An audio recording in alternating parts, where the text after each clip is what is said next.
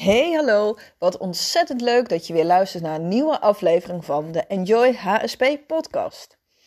Laatst hadden we het tijdens de coachsessie erover um, dat, uh, nou, dat ze weer wat vaker naar eh, kantoor gaat, maar dat ze dan ook merkt dat er dan juist nu veel meer overprikkeld juist thuis komt. Er zijn meer collega's van of ik daar nog wat tips voor had. Toen dacht ik, hé, hey, dat is ook meteen wel even leuk om het met jullie te delen. Want ik kan mij voorstellen dat, er natuurlijk dat je nu meer naar kantoor gaat.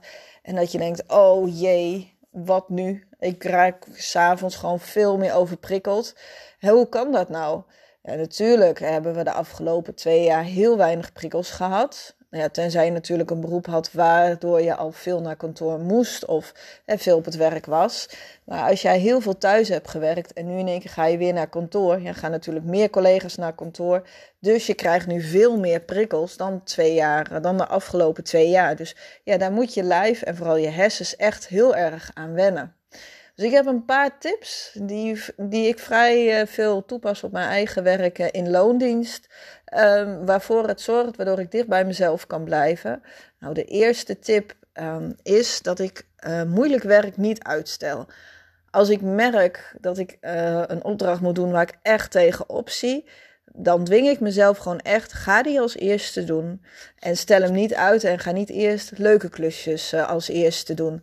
Nu zou je, zul je misschien denken, ja, maar waarom dan? Nou, puur om het feit dat als jij een lastige klus uitstelt, dan blijf je er in je hoofd mee bezig. En dan kost het je eigenlijk ontzettend veel energie.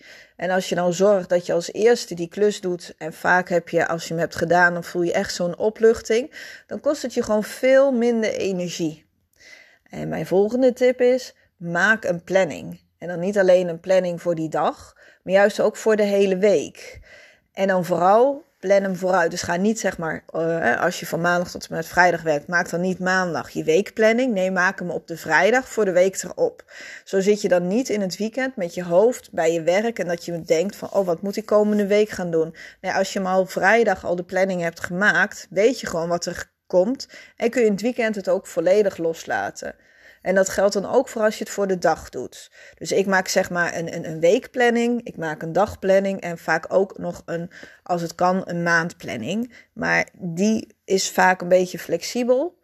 Uh, voor op mijn werk. Dus ik, meeste doe ik een week en een dag. En die dag doe ik dan ook een dag van tevoren. Zodat ik s'avonds niet denk van, oh, wat moet ik nou morgen doen? Nee, dan heb ik dat al gedaan. Dan kan ik het afsluiten. En als ik thuis ben, ben ik dan ook echt thuis. En mijn volgende tip is voor als je echt op kantoor bent of als je thuis werkt. Uh, ik heb bijvoorbeeld heel veel dat ik achter een computer zit. Nou is voor mij een computer niet echt helpend, want daar overprikkel ik heel erg veel op. Dus vandaar dat ik de Pomodoro-techniek heb gebruikt, toepas.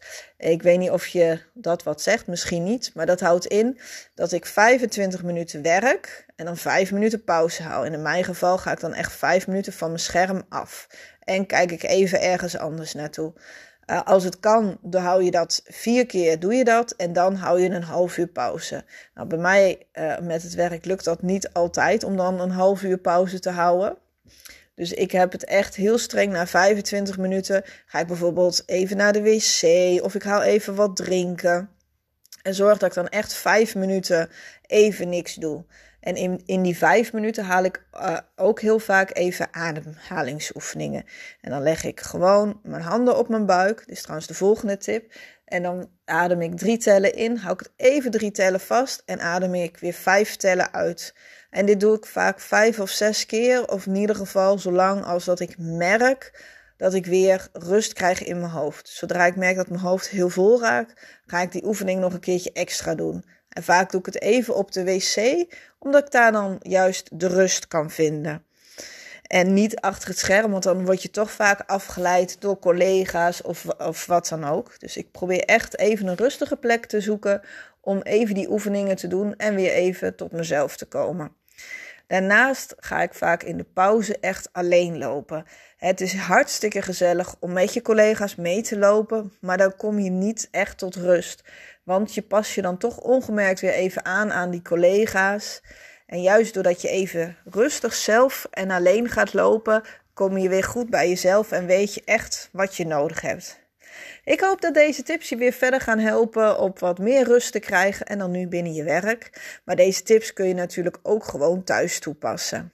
Heel veel succes ermee en als er vragen zijn, dan hoor ik het. Tot de volgende keer!